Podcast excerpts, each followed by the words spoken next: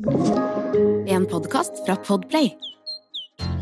Grøntpodden, for deg som er helt grønn.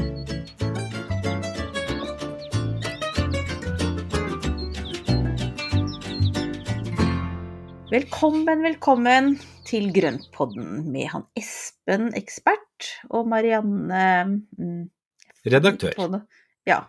Det burde vært noe på M, vet du. Jeg liker sånne at det rimer. Marianne, redaktør. Eh, ja. I dag så skal vi faktisk liksom fortsette, ikke sant, litt på forrige episode, før Ja. vinterferien, om stauder. Mm. Eh, men før det så har jeg så innmari lyst til å høre fra deg hvordan det er å signere veldig mange bøker. Å, himmel og hav, det er så gøy. Ja. Jeg var jo så, Denne uka her så har jeg vært og signert på Gyllendal på alle de som har Mhm. bestilt i forhåndssalg. Og det var altså så overveldende og så morsomt og uvirkelig. Og Mhm. eh, det, altså det er alle de følelsene på en gang. Så jeg blir helt målløs. Og det er ikke ofte jeg ender opp å ikke vite hva jeg skal si. Nei.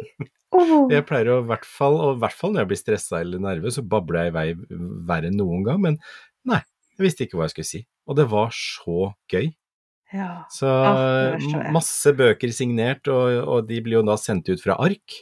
Og så er den nå, faktisk jeg fikk, eh, fikk vite nå at nå er den ute i mange av butikkene også, så nå ligger den ute i butikk hos ark og, og de større bokhandlerne. Så det er kjempegøy, og veldig stas. Vel, ja. Grattis. Det er, Ja, tusen takk. Det er som ikke alle som får oppleve å lage sin egen bok. Det, Nei, det er noe det- du skal liksom kose deg med, at du har gjort det. Fått til det. Ja, og det har vært en utrolig spennende prosess og lærerik prosess også for min egen del, fordi det er jo noe med oss å grave litt ekstra dypt etter den kunnskapen man har lyst til å formidle, Mm, mm, Uh, og gjøre det på en sånn måte at det både er forståelig og at det skal være nyttig for, eh, for, eh, for andre. mm. Så, og ting som jeg kanskje tar som en selvfølge, som kanskje ikke er en selvfølge. Nei, det er jo egentlig ganske mye som du tar som en selvfølge når det gjelder planter, som ikke er det for andre. Men det er kanskje en bevisstgjøring av på en måte, hva som er viktig for deg med planter og hage òg, da. Har du gjort deg selv til Er du blitt Er du, er du fortsatt den, den du trodde du var? Ja, jeg tror nok det. Det har ikke endra så mye. Men, men det du sa med bevisstgjøring, det er faktisk en av de tingene som, jeg, som er kanskje det viktigste. Det, jeg har blitt mye mer bevisst på hva som må til. Selv om Mm. jeg har drevet med dette her veldig lenge, og, og, og det vi også driver med her i Grøntpodden, er jo rett og slett å gå litt grann i dybden for å, for å liksom finne de gode løsningene. Men det gjør jo hele tiden at man må være bevisst på hva som egentlig må til for å lykkes. Mm. Så nei, det er kjempespennende. Veldig lærerik prosess, og, og utrolig surrealistisk følelse når du står med et ferdig produkt på nesten 300 sider i handa Mm. og bare Yes, dette har vi laga. Ja. Det er oh, gøy. Særlig når du vet hvor mange timer du har lagt ned i det, og hvor eh, Ja, mye innsats det ligger bak. Ja. Mhm. Det er helt sant, altså. Og så er det noe som kan leve i lang, lang tid, og som jeg håper at det kan, kan både inspirere og hjelpe folk flest til å få enda grønnere fingre, og øynene opp for en del spennende, rare ting i uterommet, og også krukkevekstene inne, for jeg har jo mye av det også. Mm. Med både sukkulenter og omplanting og stiklinger og alt mulig rart, men det skal vi, det skal vi snakke mer om senere også.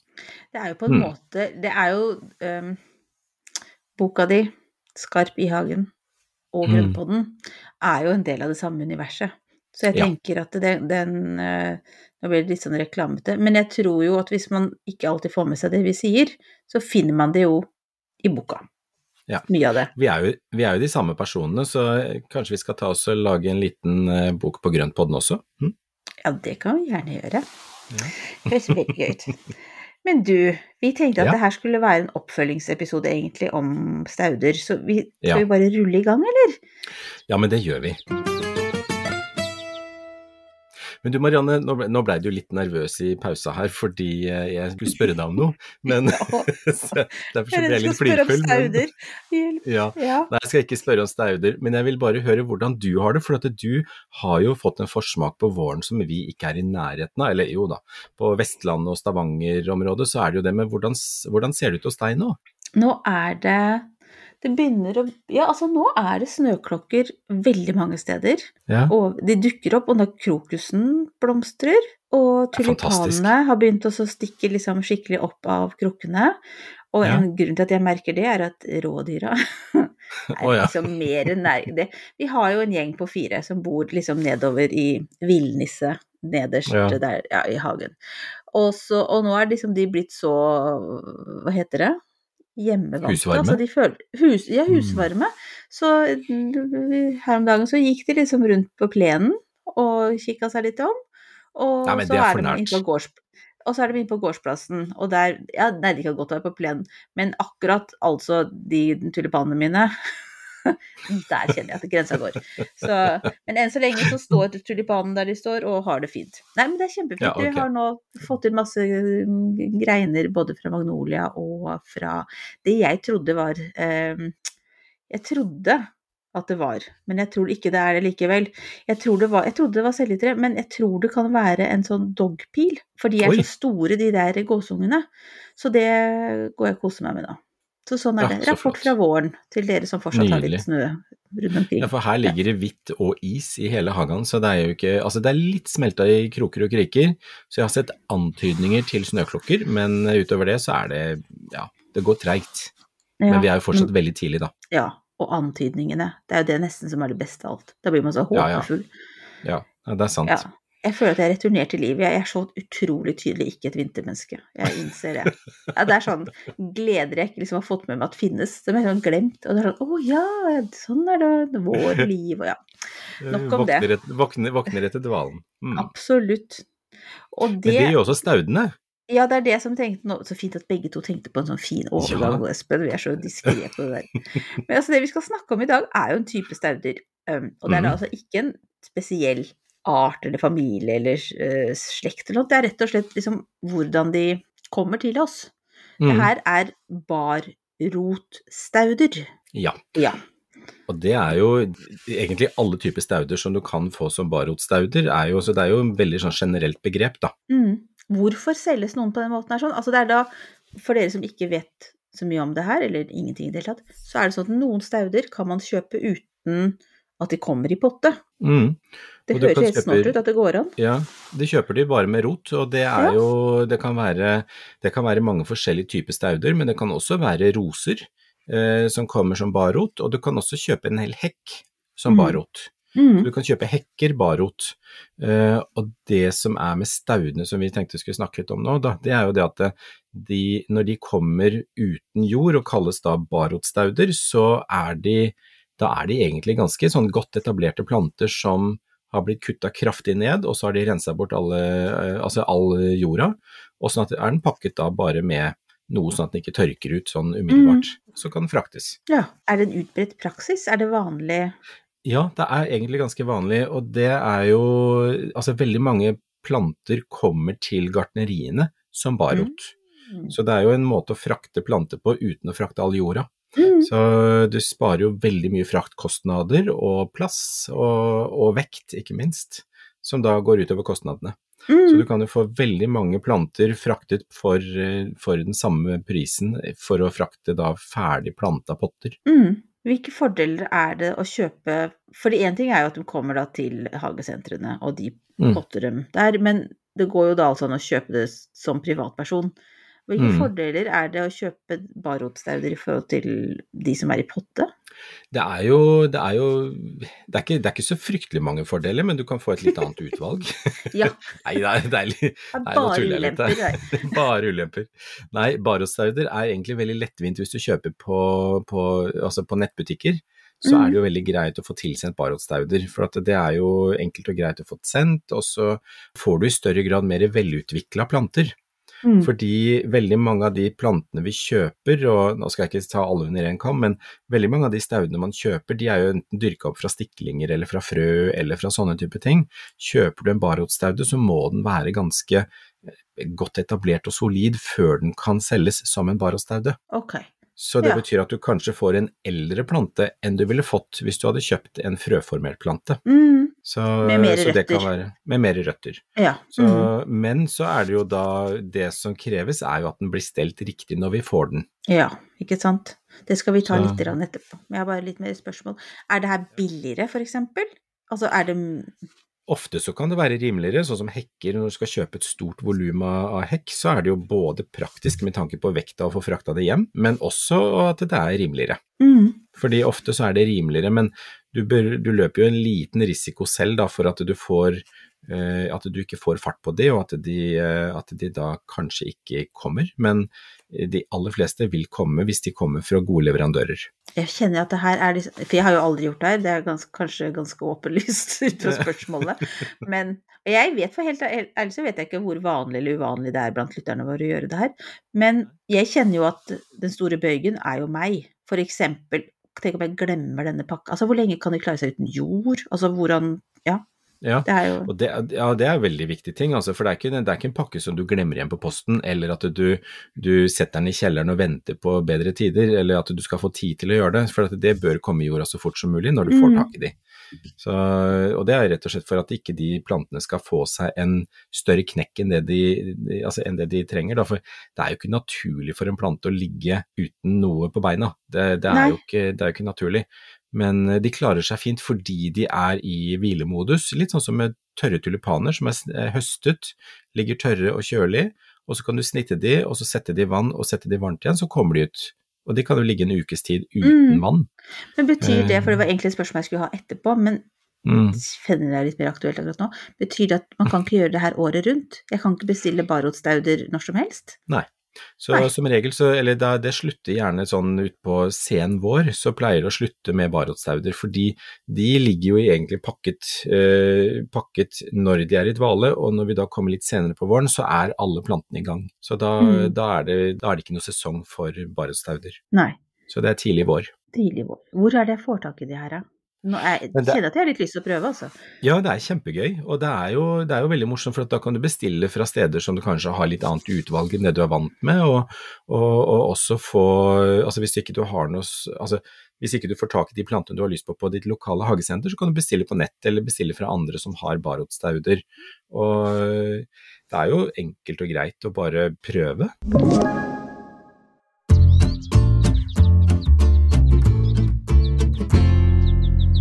Nå tenkte jeg vi skulle gå liksom litt praktisk til her, for nå kjenner jeg jeg blir veldig nysgjerrig på hvordan man skal få det til. Det her er mestringsfølelse. Etter å ha drept både kjempeverbenaene og sannsynligvis også kapersen, så trenger jeg nå Jeg trenger Nei, ja, suksess her nå. meg. Ja, Du var nei, litt uheldig det der, ja. Det var veldig, Ja, var veldig dumt. Vinterferie midt oppi, det var veldig teit, særlig når man har noen på hjemmebane som ikke vanner. Ja. Skal ikke nevne navn, men øh, Men ok, glem det. Nå Mm. har du fått kjøpt, og du har fått frakta barotstaudene hjem. Og du mm. åpner pakken. Hva gjør du nå? Eller skal, bør jeg ha noe klart? Bør det være sånn first, sånn first aid kit, liksom? For Det er ikke så veldig mye Nei, det er ikke så, så, det er ikke så akutt. Det viktige er at de ikke ligger for varmt eh, fram til du planter de, at de ikke blir liggende i sola, eller at de blir liggende eh, tørt for lenge. For det Mm. ofte så er enten så er de pakka i lett plast, eller så er de pakket i, i kanskje noe gråpapir, kanskje noe flis oppi posen. Det kan være litt sånn bare for å holde litt sånn stabil fuktighet i lufta rundt røttene. Mm. Eh, Så det første man gjør når man da pakker de ut, det er å se at alt er friskt og rent og, og i orden. Se gjerne etter sånne, altså om det er noen små skudd, eh, antydninger til spirer er veldig gøy. Jeg syns jo det er alltid spennende å se etter Mm. det først. Uh, og så legger du de i bløt i vann. Da legger du hele, da, altså rotklumpen i bløt uh, i noen timer, og så vil den begynne å trekke opp vann, og da aktiviserer du disse her små anleggene til hårrøtter som da ligger i rota, og Mhm. så begynner den å trekke opp vann. Og det Ja. er liksom første steg, for da våkner den. Da setter du den i Mm. gang med å legge den i vann, og så oi, nå våkner vi, nå skjer det noe her. Og så, etter det, så planter vi de. Kan du gi det steg for steg, da? Hva slags jord, for eksempel? Størrelse på potte, alt det der. Ja, det går an å plante de rett ut i bed hvis det er mulig å gjøre det. Altså hvis det er okay. frostfritt og fint, Mm. så kan man gjøre det. Men da er det litt sånn usikkert i forhold til eh, andre mer etablerte planter rundt. For at de er svake det første året. Det vil de normalt være, og det er ikke alltid de vil blomstre første året. eh, Selv om de er veldig mye lenger kommet enn f.eks. noe du har sådd. Så det som er viktig, det er også da sørge for at de har plass til å utvikle seg, og det kan da gjerne være i en potte. Eh, gi de litt god plass i potta, veldrenert jord, hull i bunn, Uh, og så holde de jevnt fuktig. Og jeg vil ikke anbefale å plassere det i sol, fordi da blir det fort veldig varmt, og da vil de små skuddene som begynner å skyte før røttene har utvikla seg, de vil begynne å, å, å, miste fuktighet, altså fordampe, mm. og så vil de kanskje tørke ut fordi røttene ikke har utvikla seg til å trekke opp nok vann enda. Akkurat. Så det å sette de da i skyggen første tida til du ser at røttene har liksom kommet i gang, kanskje til det har begynt å titte litt røtter ut under, altså at du ser at det er, eh, at det er gang i de. Fordi jeg pleier alltid å da eh, kikke også ned i potta, så jeg legger hele jordklumpen forsiktig på hodet mellom fingrene, altså i handa med skuddet mellom mm -hmm. fingrene, og så løfter jeg potta forsiktig av for å se om det har kommet noen røtter. Mm. Hvis, ikke det, hvis, ikke jeg kan se noen røtter i rotklumpen, så setter jeg den på og snur den rundt, og så setter jeg den da i skyggen igjen. Ja. Så, Mm. Betyr det at du det første, hele første sesongen vil ha dem i potte, eller kommer de ut i bed etter hvert? De kommer ut i bedet, så det, det, er bare så fort de da har fått, uh, fått, røtter og at de har kommet i god vekst, så setter jeg de i bed. Okay. Uh, og en annen ting med potta, vet du, det er jo det at den får jo varme inn fra alle kanter. Når lufta da kanskje har en 15-20 grader, så vil det stimulere røttene til å vokse fortere og plante til å utvikle seg fortere. I bedet så kanskje det er 5-10 grader nede i jorda, og da går det langsommere. Så ved å da ha de i potte, så vil vi ha en raskere utvikling på de enn i bed. Kan du, det... sa ikke noe spesielt, du sa det skulle være godt med plass, men kan det bli for stor potte? Er det noen begrensning oppover? På de, på de barosteinene så tenker jeg at det ikke er det, for at de skal bare utvikle seg da inntil de har fått i gang veksten, fått i gang rotklumpen, og så skal de plantes ut. Så, så skulle det vært noen som skal være år etter år, så vil det bli annerledes. Eller hvis det er inneplanter, skal jo ikke ha for stor pott i forhold til planta, ikke sant. Men ute så er det annerledes, for der er det litt sånn annet med temperatursvingninger og altså hva skal man si, regn, netter, svingninger i både fuktighet og, og temperatur mm. gjør at det blir annerledes. Og så er det mer mikroliv ute enn det det er inne. Ja, det er klart. Som er, er, i potta og jorda. Det blir annerledes, ja. Mm. Kan man sette flere sånne stauder i én potte, da? Eller bør man ha én potte per? Pot, hvis du har en stor ja. potte, men det er enklere hvis du har hver sin potte, for da kan du vite Eller da er det mye enklere, og så forstyrrer du ikke rotklumpen så mye når du skal ja. plante det ut. Mm. Så jeg vil anbefale én i hver. Da gjør vi det sånn. Ja. Og så er det noe med å tenke litt på hvilke type plante du har, eller hvilken uh, sort du har. fordi sånn som pioner, hvis du kjøper det som barrot, så er det greit at den rotstokken eller rotknollen, rot, um, eller hva skal man kalle det, rota, ligger mer i overkant av jordlaget, for at den skal jo maks 5 cm ned. Mens en f.eks. en hva skal man si, daglilje, eller hemorokalisen, som da har mer sånne røtter som går utover, der skal du gjerne spre røttene litt ut, og så la de stå og spre seg i potta for å gå nedover. Så bare vær litt obs på hvordan roten ser ut, at, du, at den ligger liksom enten utover i topplaget parallelt med overflaten, eller om den går nedover. Mm. Men det ser man på planta. Ja, og så kan man mm. lese seg opp også, tenker jeg. Det... Ja, det er alltid lurt. Det er alltid lurt å sjekke ut de sortene man da faktisk har kjøpt, hvordan mm. de skal plantes og hvilke forhold de krever, og hvilken mm. jord de krever. Så ja, absolutt, det er, det er veldig lurt. Og så altså, er det bare å vanne, vanne, vanne. Ja, vanlig liksom. Forsiktig, ja. Lett fuktig, eh, og vente og i spenning på at det kommer. Jeg planta jo noen i fjor, noen kom kjempebra, og så var det et par som ikke kom i det hele tatt. Ja. Sånn er det. Så det skjer noen ganger, men ja. det, er jo ikke, det er ikke dermed sagt at jeg har tenkt å gi opp. For jeg prøver jo igjen, og så kjøper jeg nye. For det er jo noen sorter som du bare har lyst på å ha. Mm. Uh, og jeg kjøpte annet noen dagliljer som ble kjempefine, den rakk til og med å blomstre i fjor. Så noen, ja, er, eh, ja. noen er mer villige enn andre. Mm. Mm. Ikke andre er dagliljer spesielt egna? Er det noen stauder som er liksom mer egna til å kjøpe som barrot? Stauder enn andre, eller er det sånn alle kan? Ja, alle de som er på markedet som barostauder, de er jo beregna for det. Så jeg tenker at da er de blitt preppa og, og håndtert slik at de er, er, Ja, at de kan brukes, da. Så nei, det tenker jeg at det Der er det, der er det bare ta det som er på markedet og det man har lyst på. Men det er jo selvfølgelig noen planter som er mer vekstvillige og kraftigvoksende enn andre. Eh, og noen er jo litt mer vriene å få til, og sånn er det jo med både frø og planter generelt. Mm, ja, det går ikke akkurat på liksom måten du får dem i hus. Nei. Men du sa at det er jo på denne tiden av året, men er det nå vi begynner med det her? Skal vi vente litt? Det, vi kan begynne nå, eh, og det å sette de da bare kjølig frostfritt. Altså hvis man har en kjølig bod, eller hvis man har et sted hvor, hvor, eh, hvor det ikke er for varmt, så, så, går det helt fint. Og det er jo utendørsplanter, så jeg vil jo ikke anbefale å dyrke de inne, for det blir Nei. ofte litt sånn tullete. Det blir ofte Mm. litt for varmt og dårlig, dårlige betingelser, og da ender det veldig ofte med dårlig vekst og uh, utøy. For det kommer jo når plantene ikke trives ofte, og så, Mm. og så blir det ikke noe test av, da blir det ikke noe greie på det. Nei, men da kjører vi på sånn som du har sagt nå. Da tar vi det ute Mm, og kjølig. ja, Og så er det egentlig, hvis jeg har forstått deg rett, det her er ikke så komplisert. dette er veldig enkelt og veldig gøy.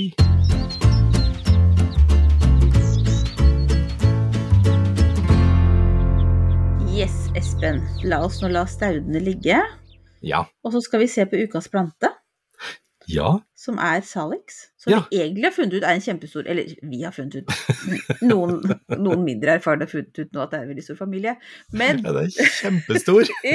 Så det var jeg som foreslo Salix, og så det er så fint at du da bare sånn skriver liksom, Snevrer inn til Ja. én type. Og det er altså da Hva står det? Salix gracil... Nei, den her får du lese. Salix gracilistyla mount aso. Og det er en japa japansk liten Ja, den er ikke liten, den kan jo bli en to-tre meter høy, men eh, vokser langsomt. Jeg har ikke funnet ut av hvilken herdighet den har, men jeg har så lyst på den. Og den eh, Salix Mount Aso er da en japansk gåsunge, eller japansk Salix, som får helt rosa gåsunger. Mm. Og den er så nydelig, den er så fin. Jeg har så lyst på Å ja. den. Nå googla jeg. Fy faen. er ikke den fin, eller? Oi. Ja, så, den den, var eh, så jeg tenker at når du, da, når du har lyst til å ha Salix som ukas plante, så tenker jeg at da må vi ha det ned til én som bare er Ja. liksom sånn superfin. Ja. Ja. Så derfor så gikk vi for eh, Salix Mount Aso. Så, Herregud, så søt. eh, ja, den er kjempesøt. Og den vokser ikke veldig fort. Eh, og som alle andre salixer så liker den jo da en relativt fuktig område. De stortrives med en del fukt på beina. Uh, noen av de vokser jo faktisk sånn som de store hengepilene, vokser jo helt langs med elvebredden og nesten ut i vannet, og det er jo, det er jo en salix som, er, uh, som de også er, altså. Salix alba triste, eller salix triste alba heter den vel. Og Triste alba. Ja. den eh, gullhengepilen blir kjempestor, lange egne greiner, superfin å bruke i kranser til påske. Jeg har en ute i hagen. Og det er bare et, det er en stikling, det var en bit av et tre, en grein som jeg bare satte i bakken, begynte å vanne, slo røtter, vips, nå er det et tre. Går kjempefort. Det vokser kjempefort, da. Det er jo liksom Det gjør det. er en utfordring. Men jeg tror altså da at vi har Salix daphnoides Ja, i hagen. Fordi at de, de gåsungene, eller pusekattene, eller hva dere kaller det for noe, er så Mm. store og lyse. Ja. Og har jeg som, Ja. gjort, prøvd å gjøre litt research, de er kjempefine. Men Ja. de har vokst så høyt at så eh, du får ikke tak i de? Nei, egentlig ikke. Det var et av trærne hadde ramlet ned en høst- eller vinterstorm. Og, og da måtte vi Så vi har liksom måttet fjerne den, og da var den så søt, for da lå den der og hadde de. Den var liksom ikke helt død da. Men Ja, for det, det, jeg det er jo kreft. Men i hvert fall, Ja. vi fikk kjempefine, greiene kjempefine inne, da. Ja, men du vet det er jo mye krefter som ligger i, i, altså på å si, i treet, så, som da vil få ut gåsungene, og så dør den jo etter hvert som da det utvikler seg, for at den uh, har ikke kontakt med jorda lenger. Så eh, den får, får ikke trukket opp og erstatta den med fuktigheten nei. som fordamper. Mm. Men det er jo veldig Altså, de fleste salixene, eller alle som jeg vet om, er, tåler kraftig beskjæring. En hengepil, den kan du kutte tvers av, og så begynner den å skyte nytt fra stubben. Altså, de, de er utrolig villige. Så- Og så kan du bare ta en, en grein, sånn som den du hadde der. Hvis du da har en grein som du da eh, ser at det er et fint grunnlag for en ny plante, så kan du sette den i jorda, begynne å vanne på den, og så vil den antageligvis begynne å, å skyte, og så sette den, bli et nytt tre. Ja, det er fantastisk. Så det er veldig gøy. Skal vi gå videre fra Salix? Beklager, si... det var en blomsterflue. her. Ikke blomsterflue, det var en hermygg. Det var en hermygg, du. Uff. Ja, de- Drep ja, den, drep den. Ja, Ja. jeg prøver. Nei da, nå skal vi gå videre. Mm? Ukens spørsmål, Espen. Jeg tenkte vi tar Ja. to, jeg. For nå har vi en ganske sånn effektiv episode. Den første er altså Kristin, som på Instagram har spurt oss om tips til planter med engkarakter som kan tåle skygge. Hun har et Ja. hjertetre. Altså det her som blitt Ja. så stort, kronen er kjempestor, så de plantene som fungerte der før, uh, fungerer ikke lenger. Det er et veldig kjent uh, fenomen. Jeg har akkurat det samme her i hagen, for når, etter hvert som tingene blir store, så blir det mye skygge. Mm. Uh, og jeg må være helt ærlig og har ikke funnet noen, eller jeg vet ikke om noen som har engkarakter som tåler skygge, hvis det er for mye skygge. Mm. Uh, for da, det eneste er storknebben i noen varianter som kan klare det, men de fleste plantene som tåler skygge, de har større blader og er en helt annen vekstform, fordi at de skal prøve å nyttiggjøre seg det er, eller det lille lyset som er. Og da kan de ikke ha små blader og den lette blomstringa og sånne ting. Så det er en helt annen type vekstform. Så da er man over på Man kan gå for sånne woodland-planter som da Mm. blomstrer tidlig på våren. Der finnes det en massevis. Eh, alternativ er også å gå for da litt sånn litt Hosta. mer ja, hosta, veldig mange fine typer hosta, eh, eller andre ting som da tåler skygge. Mm. og- Bregner og og- sånn. Det blir litt større, da. Det blir ikke Det den blir der. Ja, så det blir Nei. en, en slags bed rundt der. Mm. Ja, du kan jo for så vidt bruke skyggesildre og noen av disse saksifragaene, det går, men, men det er ikke, de har veldig kort blomstring, og de vil ikke ha den der lange, fine blomstringa som vi tenker på når det er eng, altså. Mm. Så, men hvis, altså det er en liten utfordring til dere som lytter nå. Hvis dere vet om noe, så send oss gjerne en melding på Instagram, Mhm. sånn at vi da får fanga opp det. For da kan vi ta oss og komme med noen tips i etterkant. For det, hvis det er noen som har erfaring med noe engling, altså noen blomster som ligner litt på engblomster, som klarer skyggen, så vær så snill å sende oss eh, en melding. Mm. Oh, det var spennende hvis det kom noen tips. Ja. Skal vi se. Neste spørsmål er rett og slett om kan tuja beskjæres når som helst hele året? Stort sett, ja. Eh, Jeg vil ikke anbefale å gjøre det på sen høst og vinter fram til egentlig rundt nå. Fordi hvis den går inn i vinteren med mye sår på tupper og, og blader og greiner, så vil det være større sjanse for at det kommer sopp og råte, og det er større sjanse for at tingene visner tilbake. Så jeg ville ha anbefalt også venta til nå rundt ja, mars, slutten av mars, før vekstsesongen begynner, for da er det ikke så mye kuldegrader som kan ødelegge sårflatene, og så vil de lukke seg pent, og så vil den begynne å skyte nytt når, eh, når eh, tærne går. Ok, det var et greit tips. Så egentlig Mm. ja, men egentlig ikke ja. Ja. Ja. Men de, de, altså, de fleste plantene tåler det hvis man må, så, så tåler de fleste plantene det meste, altså. Så som regel går det greit. Men eh, for å være helt sikker, så vil jeg vente til slutten av mars og, og tatt det da. Og brukt da den siste jazzmåneden, som er september, slutten av september, på siste beskjæringa, og så latt de få lov å hvile der gjennom den vinteren. Mm. Mm. Mm. Godt råd. Hva gjør du nå, Espen? Det lurer jeg på. Ja, hva gjør jeg ikke nå? Da, nå driver jeg og forbereder meg, fordi at på lørdag skal, altså det blir jo da den 4. mars, så skal jeg på Illums bolighus og binde blomsterbuketter på deres Ja. brudeshow. Mm. Så I Oslo? han- I Oslo, ja. Uh, I Oslo på Stortorvet. Og jeg har handla inn så mye snittblomster, så jeg sto her en kveld og snitta og, og preppa og fiksa. Fått masse fine blomster. Eh, Så jeg gleder meg. Eh, Og det blir en, eh, blir en hel dag med binding av buketter og inspirasjon med ulike vaser og, og sånn. Og Illums Bolighus har jo da kjempestort brudeshow, og det blir mye mye spennende som skjer der, og ja, det blir gøy. Jeg gleder meg. Men det er veldig sånn altoppslukende, så jeg, Ja, det forstår jeg. det er liksom, hodet mitt er i alle kanter på akkurat det, så jeg har ikke liksom fått ja, jeg har ikke tenkt å gjøre så mye annet. Og så må jeg ta på søndagen, så må jeg rydde rundt huset, for nå skal vi bytte eh, kledning og bord, så det kommer snekkere inn på mandag og begynner å sette opp stillas. Det var liksom fra det ene til det andre. Det var fra Ja. fest til kaos. Ja, jeg gruer meg. Det er liksom, jeg, or altså jeg, jeg, jeg orker ikke å tenke på hvor mye styr det blir rundt huset i de neste ukene, men det, det må man jo bare ta. I tillegg så, ja, så er det jo, det er jo svindyrt å gjøre sånt, så det, så det Men det tror det blir bra, og det er en investering i både, både inneklima og at huset kommer til å få et løft, og det er veldig godt. Mm. Mm. Så Ja. det blir bra. Noen ganger så må man Ja, veldig voksenpenger. Mm. Kjempenødvendig, men ikke gøy. Så det er, ja, sånn er det. Men det er bra når det er ferdig. Ja, jorden rundt-reise eller kledning. Ja, liksom. ikke sant? Ja. Det er jo det. Uff a meg. Nei. Ganske mange ganger rundt jorden. Ja, jeg tror det, altså. Kunne, jeg kunne sikkert ha tatt en sånn romfartstur også, føler jeg. Ja. Ja. Nei, nå skal vi ikke snakke mer om det. Det er faktisk noe jeg ikke bare skal Jeg skal trekke kortet eller sende regninga, og så bare glemme dette her. Så det skal, det skal bli borte. Men du da, Marianne, hva gjør du for noe? Nei, jeg, gjør jeg noe særlig, egentlig? Jo, jeg driver jo faktisk nå og da sørger over kjempeverbenaen. Eh, så, men Og så kom jeg på at jeg har helt glemt. Og så så eh, eh, Og nå står det helt stille. Kobea? Ja, men det er ikke noe bråhast. Jo, men det, jeg tenkte Nei, det hadde jeg sagt opp på februar. Å ja, I min- sånn, ja. I såkalenderen. ja. Ja, det er jo egentlig Eller var ja. det litt tidlig? Nei, vi er i mars. Hjelpes, det må jeg også gjøre. Ja. Filler'n heller. Ja. Nå fikk jeg, nå fikk jeg også bråhast. Ja. Ja.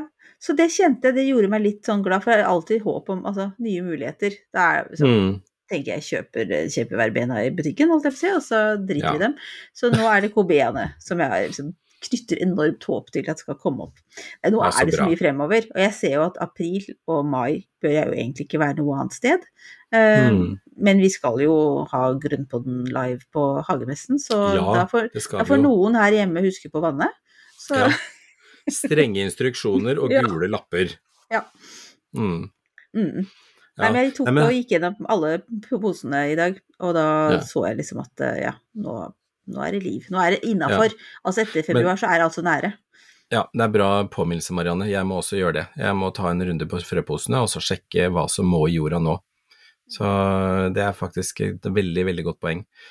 Og, eh, og hagemessa gleder vi oss veldig til, og der kommer vi, vi kommer tilbake med litt mer informasjon rundt det, for at vi skal ha litt giveaways, og vi skal ha stand, og vi skal ha eh, litt forskjellige gøyale ting rundt hagemessa som vi gleder Mm. oss veldig til. Eh, og vi kommer også til å være der eh, og spille inn på, på messa. Så Ja. der blir vi å treffe. Der blir vi å treffe, vet du. Det blir fint. Mm. Men du, la oss nå holde oss til de jordnære ting. Neste gang, Ja. Hva skal vi snakke om? veldig fin overgang, i hvert fall for oss to som visste hva temaet var neste gang. Eh, vil du fortelle dem hva vi skal snakke om neste gang? Ja, vi har en tanke om kompost og jord, eh, og, det er, eh, og det er litt på bakgrunn av at vi har fått en del spørsmål. Fordi jeg, min store sommerforelskelse i fjor var jo en varmkompostbinge som jeg brukte alle feriepengene mine på, men, eh, men det er, eh, det er ja, egentlig vi skal gå gjennom litt grann kompostering. Mm. Og det kan hende at det dukker opp noe underveis, som, eller før neste uke, som vi bare tenker at åh, dette må vi bare ta og snakke om. Så, men nå så er planen kompost og jord. For det er greit å begynne å tenke på det nå, for de beste sommerblomstene og staudene og alt mulig får du Mm. med god jord, rett og slett. Så bra. Men du, da sier vi at uh, nybegynnerkurset i uh, barotstauder er over. Ja, det er kort og enkelt og greit. Og så må vi bare oppfordre til at prøv barostauder, det er kjempegøy. Jeg skal prøve. Jeg skal bare finne ut hva det heter på svensk, da. Jeg må google det. Barots... uh, ja, et eller annet. Vi finner ut av det. Perenner. Ja. Mhm. Fram til neste episode så får dere ha det kjempefint. Kos dere i hagen eller i drivhuset eller inne. Altså inne. Det går an, altså. Ja. Det er bare kos dere uansett. Og nyt alle tegn på vår, og bare det at dagene er blitt lengre. Nå er vi jo fire og en halv time lenger i dag. Jeg føler meg hver eneste dag. Så fire og en halv time lengre siden vintersolverv. Det er, veldig søtt at, det er veldig søtt at du gjør det. Kan jeg bare si at det er litt sånn, sånn prepensjonist-tendens her. Ja, men jeg er også et sommermenneske. jeg vet, jeg vet. Og jeg gjør jo akkurat det samme, Espen, så vi er liksom Ja, ja, ja. Det, er, eh, det er for å overleve, folkens. Så sjekker vi eh, daglengden. Ja, ikke sant. Kjempefint. Men tusen takk for i dag, og takk for at dere henger med. Mm, ha det bra. Ha det.